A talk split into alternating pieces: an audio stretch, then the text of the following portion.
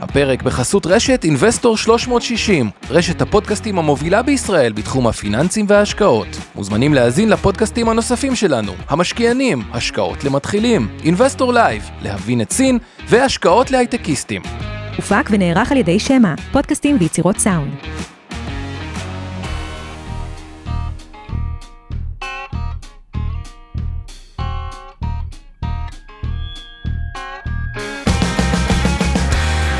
המשקיענים. אבנר סטפאק ועומר רבינוביץ' בשיחה חופשית על התחומים החמים ביותר בעולם ההשקעות.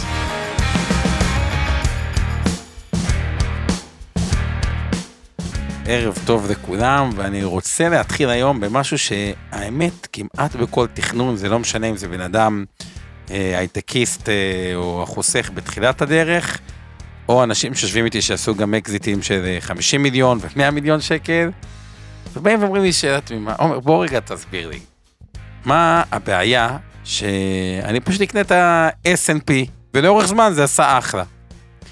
ואני אומר להם, האמת, אין עם זה כזה בעיה, וזה אסטרטגיה גם לא כזו רעה, אבל איך אתה מתכנן לעשות את זה? אתה יכול, אה, כמו במיטב טרייד, לפתוח חשבון ולקנות, מי שמכיר את הנייר SPY של SPDR, או אה, הנייר של Vanguard, אה, או שאתה יכול להיחשף את זה דרך קופת גמל להשקעה מחקה S&P, וכל מי שעוסק מורשה, עוסק פטור, יש לכם אפשרות לעשות את זה בקרן השתלמות מעבר לתקרה, כלומר להפקיד גם סכום של, תאורטית מישהו עשה אקזיט, הוא גם יכול לקחת, או, או סתם עוסק פטור, שעשה, הוא יכול לקחת 100 אלף שקל, הוא גם יכול לקחת 50 מיליון שקל, ולשים במחכה S&P בקרן השתלמות שלו, מה שנקרא מעבר לתקרה, אפשר בתיקון 190 מחכה S&P, אה, יש בעיות, יש מס עיזבון, אפשר גם S&P אירי, כדי להימנע ממס עיזבון. ואומר, אוקיי, איזה, איזה אפשרות אתה אמרת משהו תמים, עזבו את זה שאף אחד לא לוקח את כל הכסף שלו ושם על ה-S&P, אני בסוף, דה פקטו, אבל נגיד אני זורם איתם, ואומרים, באיזה דרך חשבת לעשות את זה? ואז מתחילים להגיד לי, רגע, בוא, בוא, ת, ת, ת, תעשה לי קצת סדר, מה עדיף, מה הכי משתלם, מתי.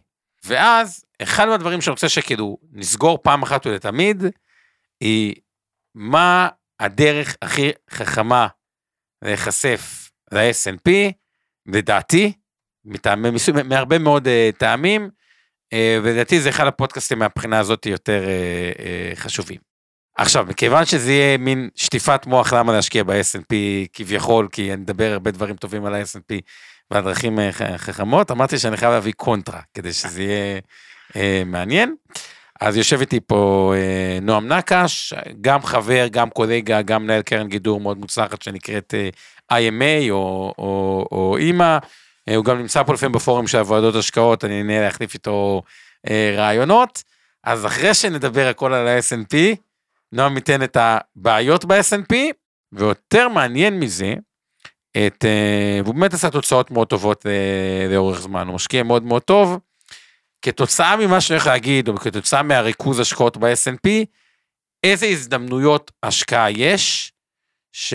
וגם נבין למה, שברמת הפוטנציאל הם פוטנציאל לעשות הרבה יותר מה, מה snp והחלק הזה הולך להיות, uh, לדעתי אפילו יותר מעניין, כי החלק הראשון הוא קצת, הוא מאוד חשוב, אבל הוא קצת טכני, כאילו, מיסוי וכו' וכו'.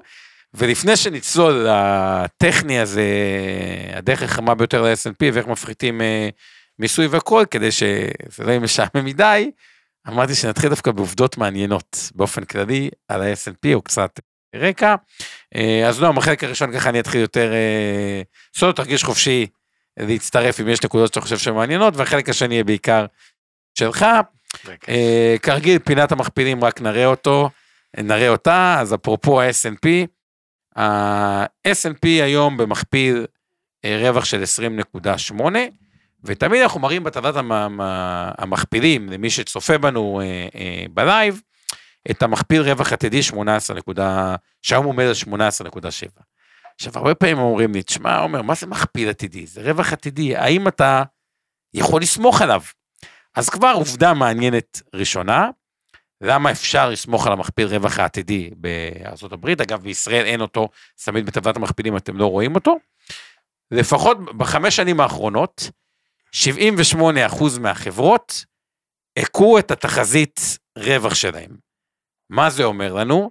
שלא רק שהמכפיל הרווח עתידי הוא נכון, אם כבר הוא מוטה, הוא מוטה כלפי מעלה. כלומר, אם 78% מהחברות עשו יותר מאשר מה שהם צפו שיהיו, והמכפיל רווח עתידי הוא בהתאם לציפיות שהחברות מפרסמות, אז המכפיל רווח העתידי אפשר להגיד שהוא אמין, ואם כבר הוא מוטה, זה מוטה כלפי מעלה, ואני מזכיר מכפיל כמה שיותר נמוך זה מכפיל יותר, אה, אה, יותר טוב. אטרקטיבי. נכון, תשואת אה, האג"ח לעשר שנים עומדת על 3.71, היא ירדה קצת מה-4, אגב, עקום מאוד תלול, תחשבו, הריבית בארצות הברית היא בין 5, 5.25, תמיד הרצועה הזאת, אבל בואו נקרא לה 5, אג"ח 10 נותנים 3.71, זה צפי להתמתנות באינפלציה. מקום יורד תלול. עקום יורד תלול, אה, אה, נכון.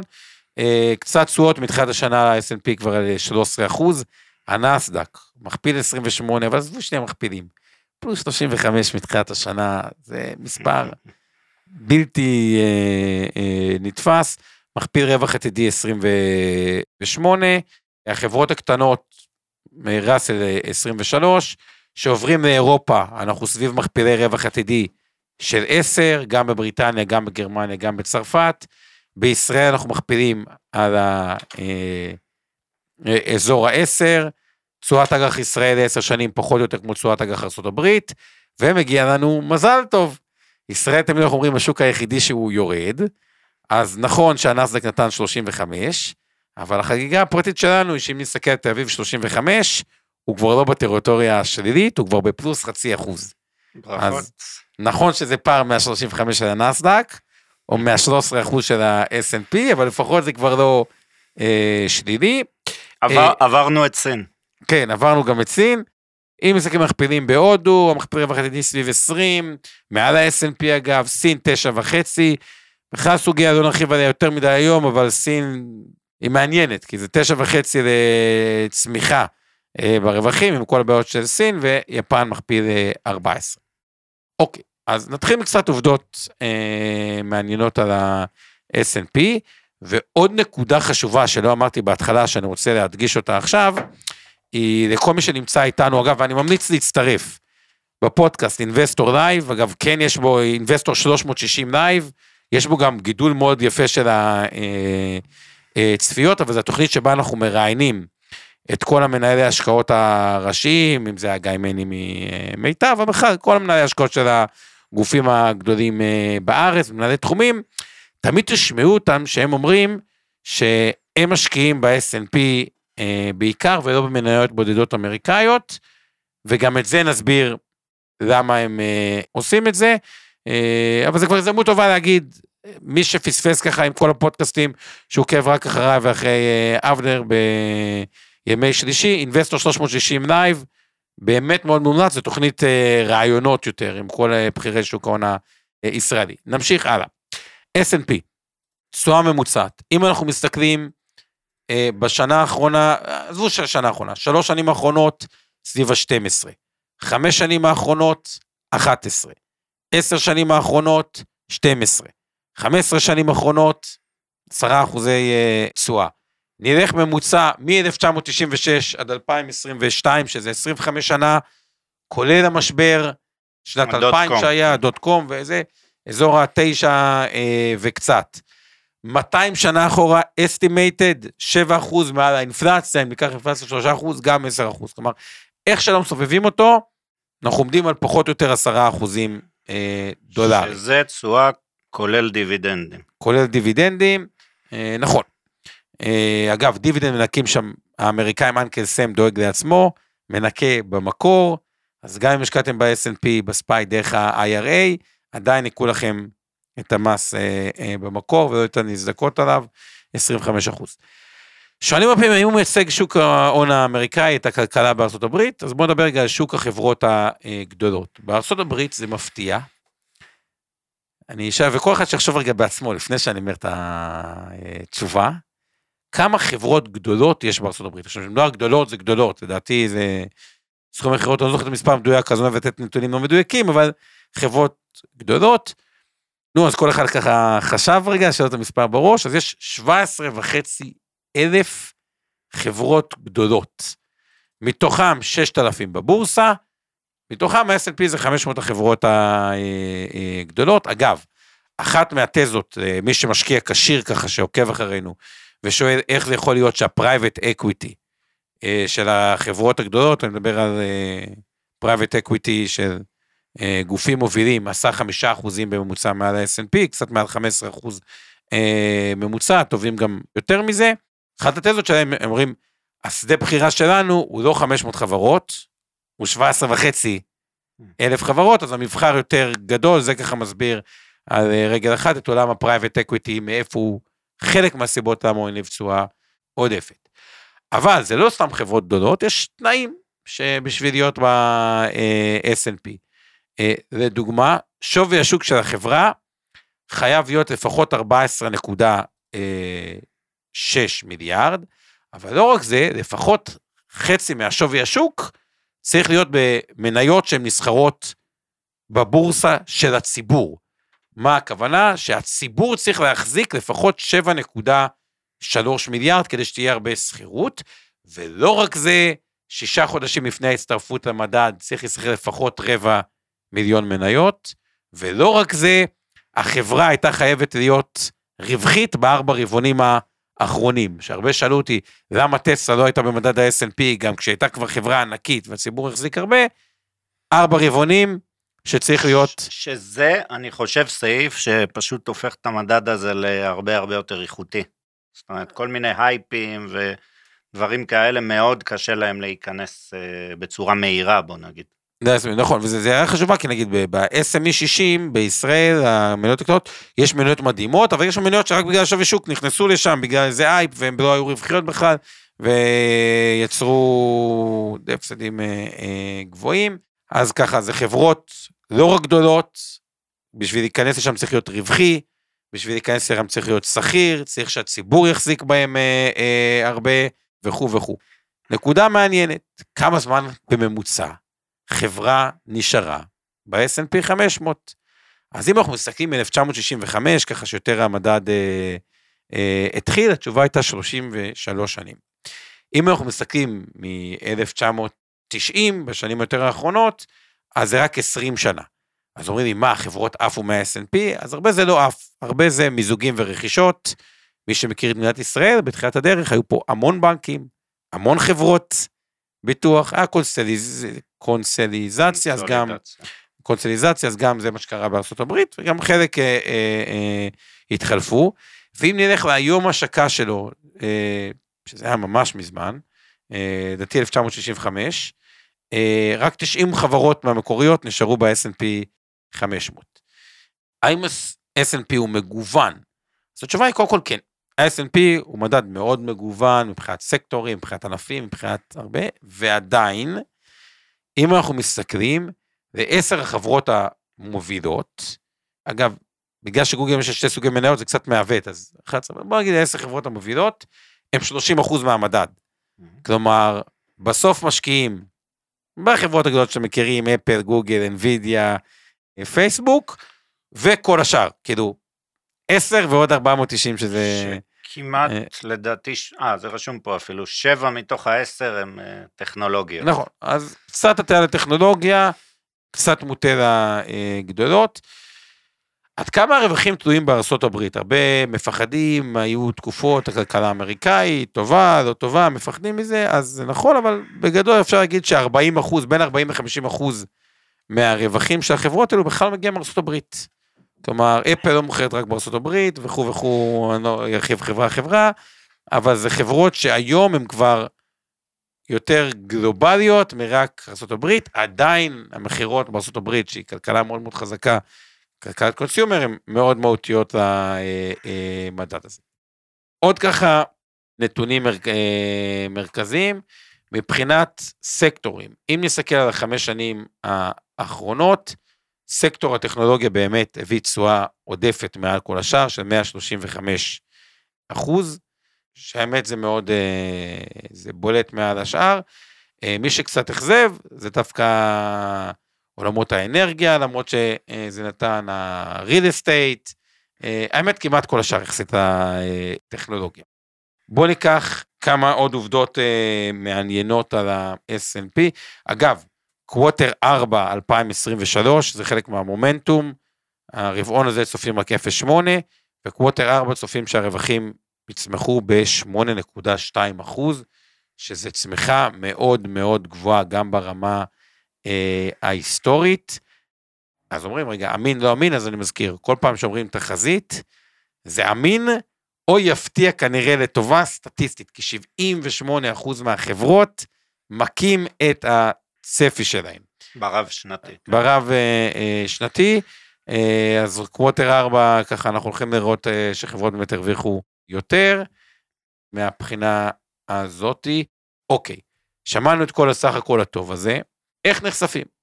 אז קודם כל, אפשר לקנות את הספיי, SPY זה תעודה של SPDR, אולי הכי מפורסמת בעולם. אה, פותחים חשבון למי שרוצה להוזיל עלויות במקום בלאומי פועלים אה, והבנקים המסכנים בארץ שלא מרוויחים כסף. אז במיטב טריידים אני קורא, אה, קורא, קורא להם, ואפשר לקנות את ה-SPY. יתרונות חסרונות.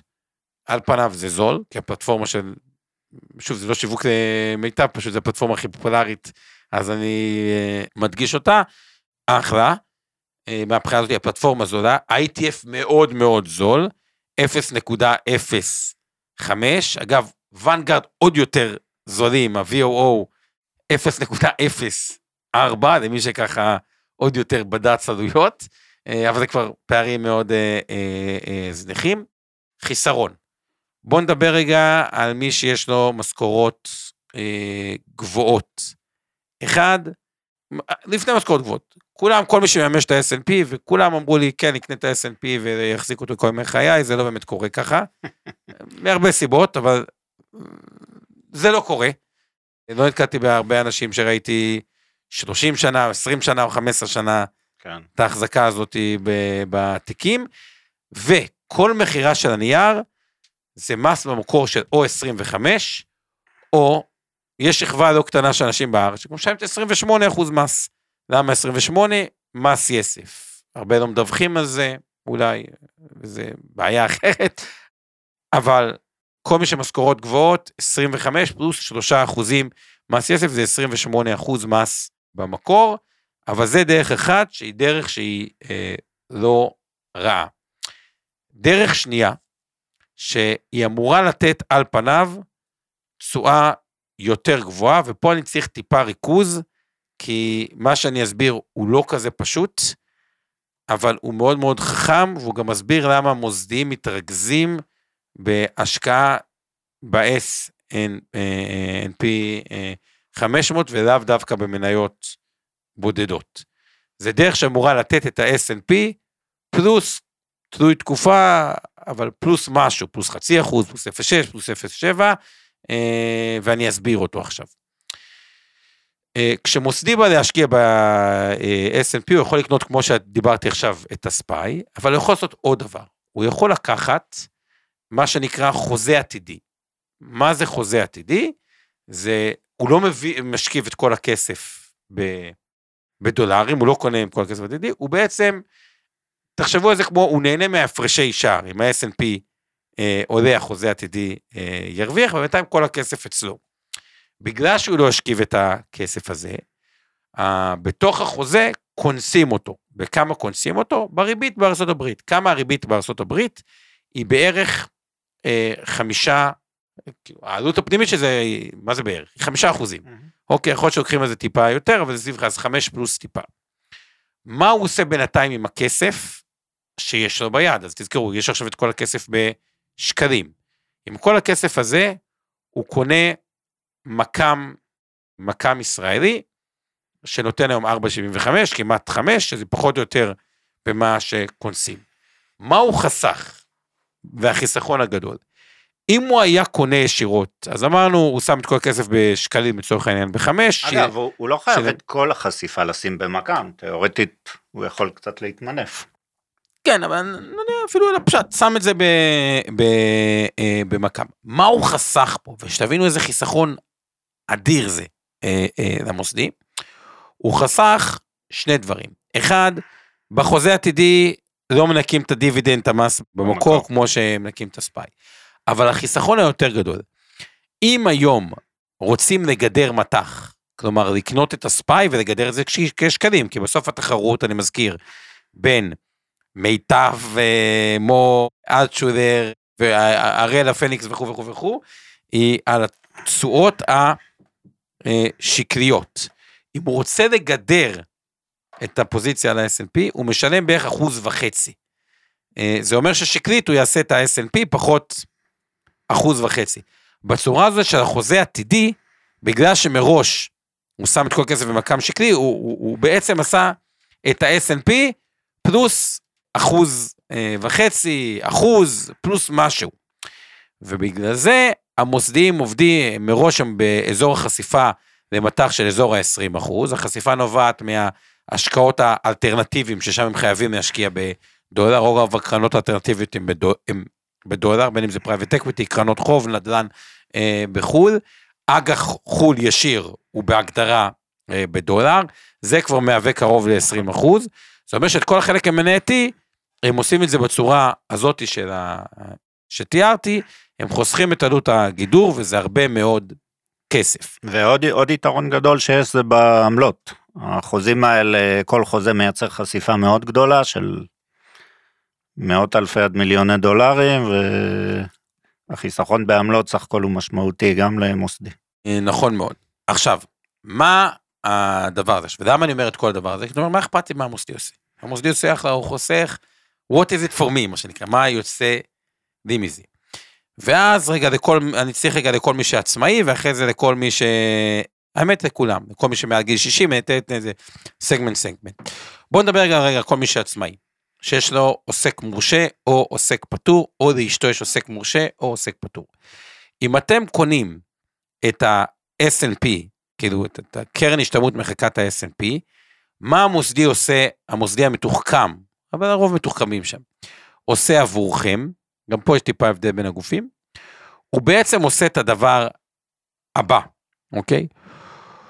הוא קונה את החוזה העתידי, ואמרנו הוא נקנס בחמישה אחוזים, הוא קונה את המקם הישראלי, אבל עכשיו בגלל שאתם עושים תעודה שמחקה את ה-S&P, אתם לא רוצים אותו בשקלים, אתם רוצים אותה בדולרים. הזכרתי, אמרתי, אם מגדרים מדולר לשקל, משלמים בערך אחוז וחצי. אבל אם הופכים שקלים לדולרים, כי עכשיו אתם רוצים חשיפה ל-S&P, הם מקבלים את האחוז וחצי. ואז אמורים ממש לקבל את ה-S&P פלוס אחוז וחצי לשנה. עכשיו זה לא אחוז וחצי לשנה כי יש קצת עמלות בדרך והחוזה מרוויח וזו פרוצדורה שהיא מורכבת, אבל מקבלים את ה-S&P פלוס משהו. וזה, שאלתי אותי איך אתה כל כך בטוח בזה וכו'. למי שככה מבין ובעולמות שוק ההון הרווחיות שלהם הזה ייכנס רגע לקרמיים, לא ייכנס לכם לתיקון 28 וכל מיני שמות מפוצצים, אבל תעודות הסל הישראליות, הרבה מהן נסחרות בדמי ניהול כמעט אפס. עכשיו שואלים אותי איך, איך הם, איך הן מרוויחות כסף אם הן נסחרות כמעט ואפס, ואם אתם תסתכלו על הדוחות הכספיים של בתי השקעות הגדולים, אתם תראו שהתעודות סל מרוויחות כסף.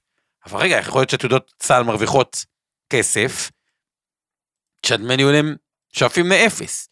אז התשובה היא שתעודה סל מתחייבת להביא את התשואה של ה-S&P. אבל אם היא עשתה תשואה מעבר לתשואה של ה-S&P, אז היא לוקחת חלק מהרווח הזה לעצמה. ובגלל התרגיל שהסברתי עכשיו, שהם קונים את החוזה, אה, שהם קונים את החוזה העתידי, משקיעים במקם, עושים את מה שאמרתי עם הגידור, הם מרוויחים מעבר ל-S&P, וכתוצאה מזה יש להם רווחים גדולים. אז ככה, זה למה הם יכולים למכור לכם את התעודות בכמעט אפס. הנקודה היא שבקרן, שם מותר להם לקחת חלק מהכסף בעצמם. בקרן השתלמות אסור להם. בקופת גמל אסור להם. ואז מי שקונה את הקרן השתלמות בחלקה S&P, הרווח העודף כתוצאה מהתרגיל הזה, הולך ללקוח, אליכם. מה חסכתם פה? שלוש פעמים. אחד, למי שעם סכומים גבוהים, אין 28% מס על כל הדיבידנד ועל כל המכירות שלכם, אין מס בכלל בינתיים. יש סוג של דחיית מס.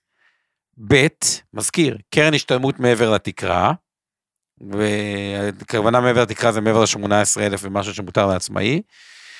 המס הוא בניכוי אינפלציה. זה אומר שאם התשואה של ה-S&P, סתם דוגמה, הייתה בחמש שנים האחרונות 60 אה, אחוז, והאינפלציה הייתה 20 אחוז, אז אתם תשלמו רק על 40 אחוז מס. ג', עברו עשר שנים, התחרטתם, אתם לא רוצים את ה-S&P, אתם אומרים עכשיו הריבית גבוהה, אני רוצה פיקדון, אני רוצה לעבור, אני רוצה מסלול אג"ח, אני רוצה כל השקעה אחרת שהיא לאו דווקא S&P, מעבר מסלול בקרן השתלמות הוא לא אירוע מס. כשאתם מוכרים בטריידים למיניהם זה אירוע מס. אז תראו כבר כמה יתרונות יש לנו, יש לנו עוד יתרון של משיכה אה, חלקית, משכנו, סתם, שמנו 100 אלף שקל, שמנו מיליון שקל, הרווחנו 100 אלף שקל. רוצים למשוך את ה-100 אלף שקל, לקנות אוטו, לא משנה מה. כשאנחנו מושכים את ה-100 אלף שקל מהקרן השתלמות מעבר לתקרה, אני מזכיר, 90 אחוז מזה לא ממוסה בכלל, כי זה מוגדר כחלק יחסי של הקרן שנמשכה, ורק על העשרת אלפים שקל הנותרים, כלומר מתוך המאה אלף, רק על עשרת אלפים תשלמו את המס של ה-25, כלומר 2,500, וגם זה בניכוי אינפלציה, אז עוד יותר פחות. מי שככה זה היה מהיר לו, שישמע את הקטע הזה עוד פעם, אבל זה חיסכון אדיר במס, תשואה מעבר, זה דרך לדעתי יותר אלגנטית ויותר חכמה. ואני אומר לכם, אתם כאילו אומרים, רגע, אני המשקיע קטן, זה זה, אני אומר לכם, גם אנשים מתוחכמים שבדקו את כל האפשרויות והיה להם עשרה מיליון ועשרים מיליון ואת הדברים האלה, כשהם נכנסו לעומק לדברים, הם הבינו שזה הדרך החכמה ביותר. מי שמעל גיל 60, במקום לקנות את ה-S&P דרך הבנק, וגם יש לו מס עיזבון, אני מזכיר, ואז הוא אומר, אז אני אקנה את, העיר, את התעודות האיריות, אבל לא משנה. בתעודות האמריקאיות... מס עיזבון אמריקאי, אתה מדבר. מס עיזבון אמריקאי, מעל 60 אלף דולר, אם אתם מחזיקים במניה אמריקאית או ב... תעודה אמריקאית יש מס עיזבון, אז יש פתרון של תעודות סל איריות על ה-S&P אבל אני אומר יותר פשוט מזה, תיקון 190, לא נזכיר מי שרוצה שילך לפרקים אחורה, או ב-Investor Live יש פרקים בתיקון 190, זה ב-15% מס. אז אפשר לקחת מחקה S&P ולשלם 15% מס במקום 25, ומי שעם סכומים יותר גבוהים זה 28. זה S&P שנותן יותר מה-S&P בגלל התרגיל ב-15% מס. נכון, זה לא מתאים לכולם, כן, זה פונקציה של... תלוי בסביבת האינפלציה. מעל... לא, אבל זה בכל מקרה, ב... זהו, אני לא בטוח שמי שמחזיק את ה-S&P בזה, תמיד מנקים לו רווח נכון. ריאלי במערכות. אבל בהנחה שמגיש דוחות. כן, אז, אז 15 אחוז אה, אה, נומינלי מחכה S&P, ואפשר לעבור מסלולים, אפשר לעבור גופים, אפשר לשנות אסטרטגיות, אפשר כל מיני אה, דברים, אז גם זה אפשרות מאוד יפה. עוד אפשרות קלאסית, קופת גמל להשקעה. שעושים. עכשיו, קופת גמל להשקעה, וראיתי כל מיני פורומים שאומרים, כן, קופת גמל להשקעה, יש לה עלויות, יש לה... אה, זה, אז קודם כל הסברתי כבר, חלק מהעלות הזאת היא מתבטלת לאפס. במה, זה... במה אין עלויות?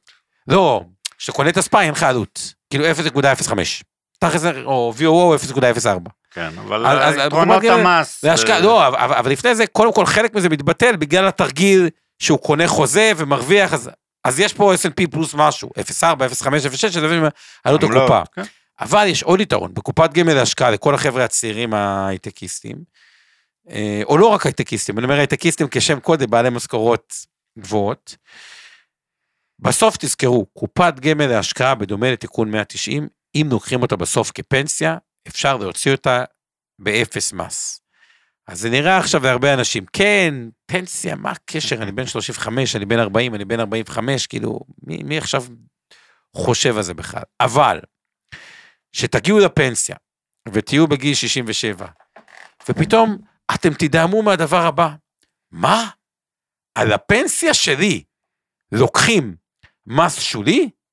ופתאום אתם תראו שאת הפנסיה עצמה שחסכתם כל החיים, אתם לא כל כך יכולים לקחת אותה, כי כאילו אתם תיקחו חלק קטן ממנה, אבל את הרוב אתם לא תרצו לקחת, כי זה או לשלם משהו לי, או להעביר את זה לבן בת הזוג או לילדים באפס מס. ורוב האנשים, אני אומר לכם, מי שהרוויח טוב ויש עוד קצת כסף וחסכונות, ביום פקודה שזה מגיע לככה, הוא לא רוצה לחלוק את הכסף שהוא צבר עם מס הכנסה, אז הוא נאלץ להעביר, מה זה נאלץ? הוא יעביר אותו לדור הבא באפס מס. ואז בפנסיה יהיה לכם מחסור תזרימי חזק. ופתאום הקופת גמל להשקעה שלא חשבתם עליה בכלל כהשקעה, שאתם תראו שהיא כבר עשתה מאות רבות של אחוזים, אם התחלתם לחשוב בגיל 30 זה אמור לעשות 400, 500, כאילו מספרים מטורפים של אחוזים, זה או למשוך את זה במס מאוד גבוה, או אם לקחת את זה כפנסיה, אתם לוקחים את זה באפס מס, ואם המדד אמרנו זה, זה הופך להיות הטבה מטורפת. בדיוק, כן. כי אם המדד עושה 10% בשנה, החיסכון במס הוא 2.5%. מס זה לעומת הצד דמי ניהול שמשלמים, ועוד אמרתי, אתה תרגיש שבכלל לא בטוח שאתם משלמים משהו, כי ה-S&P פלוס צד דרך החוזים, יכול להיות שזה שווה ערך למה ששילמתם. אז קיצר, כל מה שרציתי להגיד בנושא הזה, גם אם הגעתם למסקנה שאתם רוצים חשיפה פשוטה ל-S&P, זה לא כזה פשוט, שכל אחד יעשה חשבון, אתה תתייעץ, אפשר לבוא כמובן, אה, גם איתנו באינבסטור להתייעץ לזה, אפשר לעשות את זה או ישיר, או דרך מוצרים דוחי מס עם היתרונות, וגם פה יש הבדל קטן בין המוצרים, קרן השתלמות מעבר לתקרה, יש גם דרך פוליסות חיסכון הזה, יש דרך תיקון 190, יש קופת גמל להשקעה, כל אחד עם היתרונות בהתאם למצב האישי שלו.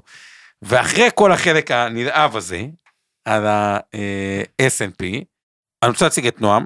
אה, האמת, נועם, עדיף שככה תציג את עצמך, אמרתי, גם קולגה, חבר, איש השקעות מעולה, תן טיפה רקע על מה עשית, ואני רוצה שככה תרגש אותנו עם איך בונים רעיונות השקעה שהם עושים מעבר ל-S&P, ולא רק זה, בהתחשב בזה שכבר אתם מבינים שהרבה מאוד מהכסף שלכם, פנסיה, גמל, השתלמות, הוא כבר מראש מושקע ב-S&P בגלל הנושא של החוזה והגידורים וכו', אז מי שרוצה לגוון, אז לא בטוח שהוא יגוון את זה לתוך אפל או מייקרוסופט, שזה גם ככה חלק מאוד ב-S&P, שיתחיל לחשוב שעם שאר הכסף, כי אם הוא כל כך מושקע ב-S&P דרך המכשירי דוחות מס, איך הוא עושה דברים קצת אחרים, שזה מה שאתה עושה, וככה ראיתי את ההקשר, אז נועם אליך, תן קצת רקע. תודה, תודה. כן, אז uh, כיף להיות פה. כמו שסיפרת, uh, אני שותף מנהל בקרן גידור שנקראת IMA או אימא, uh, קרן שמתמחה בהשקעות uh, גלובליות בעיקר, ובעצם uh, הרעיון הוא לחפש uh, השקעות שהן מחוץ למדדים, לא חייב להיות החברות הכי קטנות, אבל uh, לחפש דברים שהשוק ככה עוד לא, עוד לא גילה, עוד לא רואה. ולעשות את זה באמצעות הרבה למידה והיכרות עם, עם החברות האלה לעומק, ובעצם ככה לעשות, לעשות תשואה עודפת על מדד ה-S&P, הבנצ'מרק, מדד הייחוס של הקרן זה מדד ה-S&P, שזה באמת uh, מאוד מאתגר uh, להכות אותו, זה לא, זה לא פשוט. אבל היה חשוב לי כשבניתי את הקרן אה, לקחת איזשהו מדד אה, שיאתגר אותי וככה יכניס פלפל, יכניס עניין. איך אתה עושה את זה? כאילו מבחינת, אה, כאילו, תן להם צורת המחשבה, או איזה סוגי חברות בכלל עם פוטנציאל, איך אתה חוקר, או תיתן דוגמאות, או תוביל את זה בדרך שלך. כן. אז אולי, אולי גם מילה לפני, קצת על כן. המדד וכולי, מה, ש, מה שבאמת דיברנו. אחד הדברים שדווקא החודש הם ככה קצת יפריעו ל-SNP, אמרת לי, אמרת לי ככה להיכנס ב-SNP ו, ולהיות פרקליט שטן, אני חושב שהחודש אחד הדברים שיפריעו למדדים, לתעודות S&P, לקרנות השתלמות אה, מחכות מדד וכולי, באמת זה הנושא של המטח ש...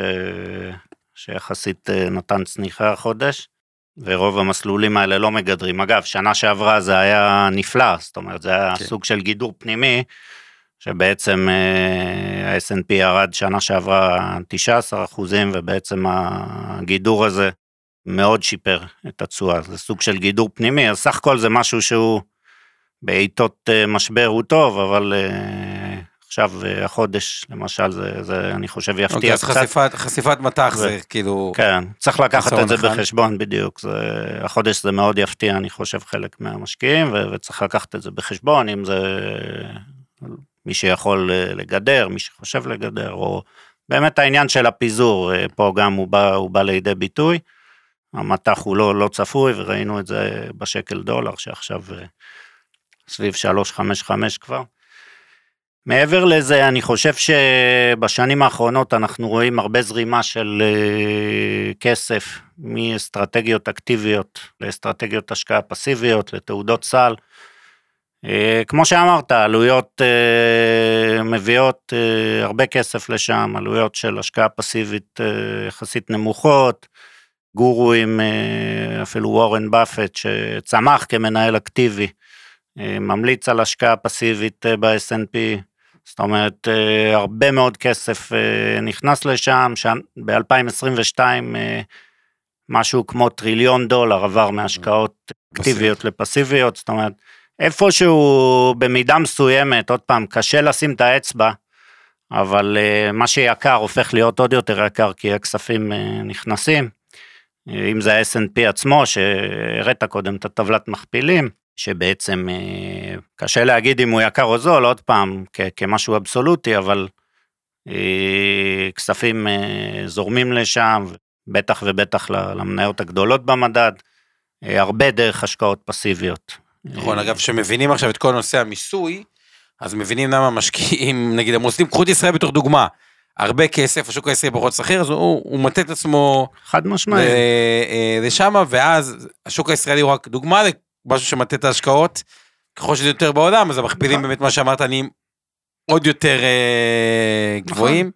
זה מאוד שכיר כמובן, אה, ובאמת אוקיי, זה... מה עוד? מהצד הזה באמת זה, זה מייצר תופעות שחלק מהן אפילו קצת מוזרות לנו, זאת אומרת, המניות הטכנולוגיה הגיוני שהם יהיו במכפילים גבוהים, מצד שני אנחנו רואים אה, מניות כמו וולמארט באמת שנסחרות במכפילים גבוהים, באזור 30, אה, שוב, קשה לדעת כמה, כמה מזה נובע מפונדמנטלס, מאיזשהו אמון בסיסי שיש בעסק הזה, בכל זאת אה, זה אה, מונומנט אמריקאי, וכמה באמת נובע מזרימה של כספים פסיביים. זו תופעה שבהחלט בהחלט מדברים עליה בשוק האמריקאי, הכספים הפסיביים אה, שזורמים בהחלט הופכים אה, חלק מהמניות ל, ליותר ויותר יקרות. וזה משהו שבהחלט אה, צריך לשים לב אליו. כן, עכשיו רק כמה זה יותר יקר שסתם אנקדוטה. 2020 ו-2016 וולמרט הרוויחה 24 אה, מיליארד, 2023 וולמרט הרוויחה 24 מיליארד. לעומת זאת מניית וולמרט, אה, אם אנחנו נסתכל עליה, 2016, 2016 השער מניה אה, היה 75 דולר, היום הוא 150 דולר, כלומר... כן, ועוד היה דיבידנדים גם בעיה. נכון, על אותו, על אותו רווח כמעט אה, הכפלה, פשוט המכפיל מאוד גדל.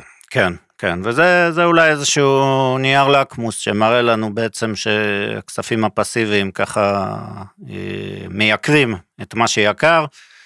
אה, עכשיו עוד פעם, S&P זה באמת מדד אה, נהדר מכל, מכל הסיבות שציינת, אה, בהחלט צריך לשלב אותו. מצד שני, לפחות אני מחפש את הרעיונות היותר מחוץ לקופסה, את הדברים שהשוק לא מסתכל עליהם, לאו דווקא זה משנה לי אם זה במדד או לא במדד, אבל בעצם דברים ש... שקצת ככה מחוץ לפוקוס, לא, לאו דווקא דברים שנהנים מהכסף הפסיבי. אני אישית עושה את זה עם הרבה למידה בעצם של החברות, באסטרטגיה שנקראת אה, Deep Value, אה, לנסות להבין אה, מה בעצם קורה בתוך החברה, להבין אותה לפעמים יותר טוב מסמנכ"ל הכספים, או מהמנכ"ל, אני מקווה. דוגמה להשקעה כזאת, למשל, אה, השקעה שליוותה אותי בשנים האחרונות, זו השקעה בחברה שנקראת אה, אקסון, אה, לשעבר טייזר, חברה בעצם שהמציאה את המכשיר הזה שנקרא טייזר, שמאפשר לשוטרים שימוש בכוח בלי לראות בחשודים. אגב, למי ששאל, רק מה הסימבול של המניה? אקסון זה AXON. בעצם אה, החברה הזאת שהמציאה בזמנו את הטייזר, נקודת המפנה בעסקים שלה הייתה אה, הוספה של אה, מצלמות לבישות לשוטרים. הגעתי לזה במקרה שחיפשתי מי עושה את המצלמות של, את המצלמות מהירות וחיפשתי בגוגל police cameras והגעתי בעצם לחברה הזאת. ההוספה של האלמנט הזה לטייזרים בנפרד, כן, שכל שוטר אה, היום מסתובב עם אה, מצלמת גוף, זה היה החזון של החברה, אה, ובאמצעות טכנולוגיה בעיקר הם ידעו, ידעו להוביל את השוק, ובעצם הגיעו מחברה שהייתה כמה מאות מיליוני דולרים לחברה שהיום היא, בדיוק עכשיו היא נכנסה אגב ל-S&P, שזה ממש סגירת מעגל לדבר על זה בפרק הזה, חברה שבעצם היום היא חברה של משהו כמו 17 מיליארד דולר. ובעצם הרעיון שם היה מבחינתי, אני לפחות ישנתי טוב עם זה, כי בעצם הכרתי מאוד טוב את החברה, ופשוט הייתי רואה שהם זוכים בכל מיני עיירות במכרזים, הייתי נכנס לאספות של העיריות, ורואה בלייב איך הם זוכים בעוד ועוד מכרזים, איך הם מקבלים את הניקוד הגבוה במכרזים האלה, אפילו פעם חשבו שלא לא הבינו למה מישהו מישראל נכנס להם בזום לאספה, לאספת תושבים, חשבו שאני איזה טרוריסט או משהו, לא הבינו מה אני מחפש שם. אבל באמת הידע הזה, ש... וזה נייר שכמובן לא היה במדדים ולא ממש הסתכלו עליו, לא ספרו אותו, אבל אני ידעתי שבעצם הם בנו שם עסק שהופך להיות גלובלי, הם הם בעיקר הקדימו, טכנולוגית הם הקדימו את המתחרים בזה שהם, אה, השוטר למעשה לחץ על הכפתור צילום, זה, זה, המצלמה כל הזמן צילמה, אז ברגע שהוא לחץ על הכפתור זה שמר את כל החמש דקות האחרונות. ואז אם הוא ראה מישהו עובר באור אדום, או היה איזה אירוע וכולי, אז זה נתן אה, להם אה, אגב, יתרון עצום. אתה אומר, היתרון כן. תחרותי בעצם שלהם זה שהיא מצלמת כל הזמן, מוחקת את, הציל, כאילו, את הצילומים, אבל כאילו, כאילו לא לקח זמן, אבל אם הוא לחץ על כאילו רקורד, כאילו יש אירוע, כן. זה גם שמרת, כאילו, זה כבר הלך אחורה חמש אה, אה, דקות. אחלה, אז החברה הזאת אני רואה באמת נסחרת, היא עשתה תשואה של אלפיים אה, אה, אחוז בעשור האחרון. מה ראית שם? עוד תיתן טיפ שהוא פרקטי כאילו לבן אדם, אני לא רוצה להגיד הפשוט, כי גם יש לנו משקיעים מתוחמים שעוקבים אחרינו, תן איזה טיפ של כאילו, מה זיהית ומבחינת צורת המחשבה שלך כאילו מה מה מישהו יכול לקחת מזה כאילו בדוגמה הזאת. אז אני חושב שלפחות אה, מה שאני לקחתי פה זה באמת אה, להבין את העסק בצורה עמוקה שאני חושב שגם למשקיעים פרטיים זה משהו שסך הכל אה, יכול להיות מרתק עסקים יש היום עסקים מדהימים בטכנולוגיה ב-AI. אני חושב שכל העולם מופתע מהמהלך הזה באנווידיה, זאת אומרת השוק אה, מראה את זה, אה, זה היה מהלך מטורף שלא חושב שכמעט היה מישהו שצפה, אה, ומאוד קשה להבין את היתרון הטכנולוגי, עכשיו בדיעבד עוד איכשהו אנחנו מבינים בכלל שיש יתרון, לפני חודש אף אחד לא הבין, ובהיבט הזה אני חושב שצריך לכוון, לפחות זה, זה המוטו שלי, אה, להשקעות שבאמת אתה מבין את העסק ואפילו הייתי אומר אפשר להסביר אותם ל, לילד אה, בן 10. השקעות שמצליחים להסביר את התזת השקעות שלכם למה אתם משקיעים בוא ניתן עוד דוגמה אולי. אז תראה היום המניה האהובה עליי בשוק האמריקאי זה חברת אה, דורדש. בעצם זה החברת אם של וולט. כן דורדש רכשו את את וולט אוקיי בוא תסביר אני רואה רק למי שעוקב. אגב, עם החברות שהיו 250, ירדו חזק, כן. עכשיו הם נסחרים ב-73, כבר אה, ביקרו ב-50, חברה של 28 מיליארד אה, דולר, אה, מכפיל רווח נוכחי 70, שהוא לא מכפיל נמוך, הצפי שזה 2025 ירד לכיוון ה-26. מה אתה, כאילו, צמיחה מאוד חזקה בהכנסות ברווחים, אבל מה אתה מזהה בדורדש? קודם כל באמת, אה, כמו שציינת, היא ירדה יחסית חזק, אה, היא נתפסה אה, שלא בצדק כאיזה חברת קורונה, זאת אומרת שנהנית מה, מהקורונה בהיבט של הטייק אווי והמשלוחים של פסט פוד, ולמעשה החברה עשתה שינוי ניהולי, בעצם הם פשוט התרחבו לתחומים משיקים, כמו משלוחים מהסופר, אה, ואני חייב להגיד שבאמת הגעתי לזה דווקא כיוזר, פתאום אה, מצאתי את עצמי אה, מזמין מהסופר מוולט, זה מגיע מהר, אני מקווה שמותר שזה לא כן. פרסומת, אבל זה לא מה שירים את המניה גם כן, זה מגיע מאוד מהר. כמה עולה וולט נגיד, כן, האמת שופרסל נגיד משלוח עולה אה. באזור ה-30 שקל, כמה עולה משלוח? אז, זהו, בוולט אה, בדרך כלל זה באזור עשרה שקלים מה, מהמכולת שלידך, המחירים אה, תלוי איפה אתה גר עוד פעם, אבל זה לא מאוד רחוק, ועכשיו גם הם בעצם סוג של פתחו סופר משל עצמם, שנקרא Wolt Market, אז בכלל זה נותן להם אה, שם אה, יתרונות תחרותיים ו- ומשפר להם את השולי רווח. אה, ובעצם העניין פה המרכזי, אני חושב, זה אפקט הרשת, ש... שבעצם בניגוד לשופרסל או לכל עסק אחר שעושה משלוחים, יש להם פה שליחים שגם ככה נמצאים באוויר, רשת אדירה של שליחים. אז גם במסגרת ההשקעה שלי ראיינתי הרבה שליחים וראיתי שהם מנהלים גם את השליחים אה, בצורה מדהימה, גם האפליקציה היא הרבה יותר כיפית מהאפליקציה של סופרים. אה, נכון שכרגע אה, המכפיל קצת גבוה, אבל... אבסולוטית 28 מיליארד שקל, דולר, כן. אה, 28 מיליארד דולר, כן. זה, זה לא כזה... כן, יש שם גם קופה של אה, 4 מיליארד דולר, אז זה קצת יותר טוב, אבל אה, באמת, אם, אם אה, אנחנו מבינים שזאת באמת מהפכה ו... והקצבי צמיחה הם באמת אה, גבוהים, ו... וזה לא איזה תופעה של הקורונה, אלא באמת הם יגיעו פה, בעצם ייקחו את שוק המשלוחים ויתחילו לנגוס למעשה ב... בסופרים, ואולי אחרי זה גם בתרופות, וב... אני יכול לספר לך שנשרפה לי נורה בבית, ו... וזה פשוט חסך לי ללכת אה, לטמבוריה, ופשוט אה, הזמנתי חבילת נורות, שזה זה בעצם אה, באמת יתרון אה, מאוד גדול ב- בשירות שלהם, שפשוט תוך רבע שעה אה, היה לי אה, שליח בבית עם חבילת נורות. אז זה באמת משהו שפשוט צריך להסתכל סביבנו, ו...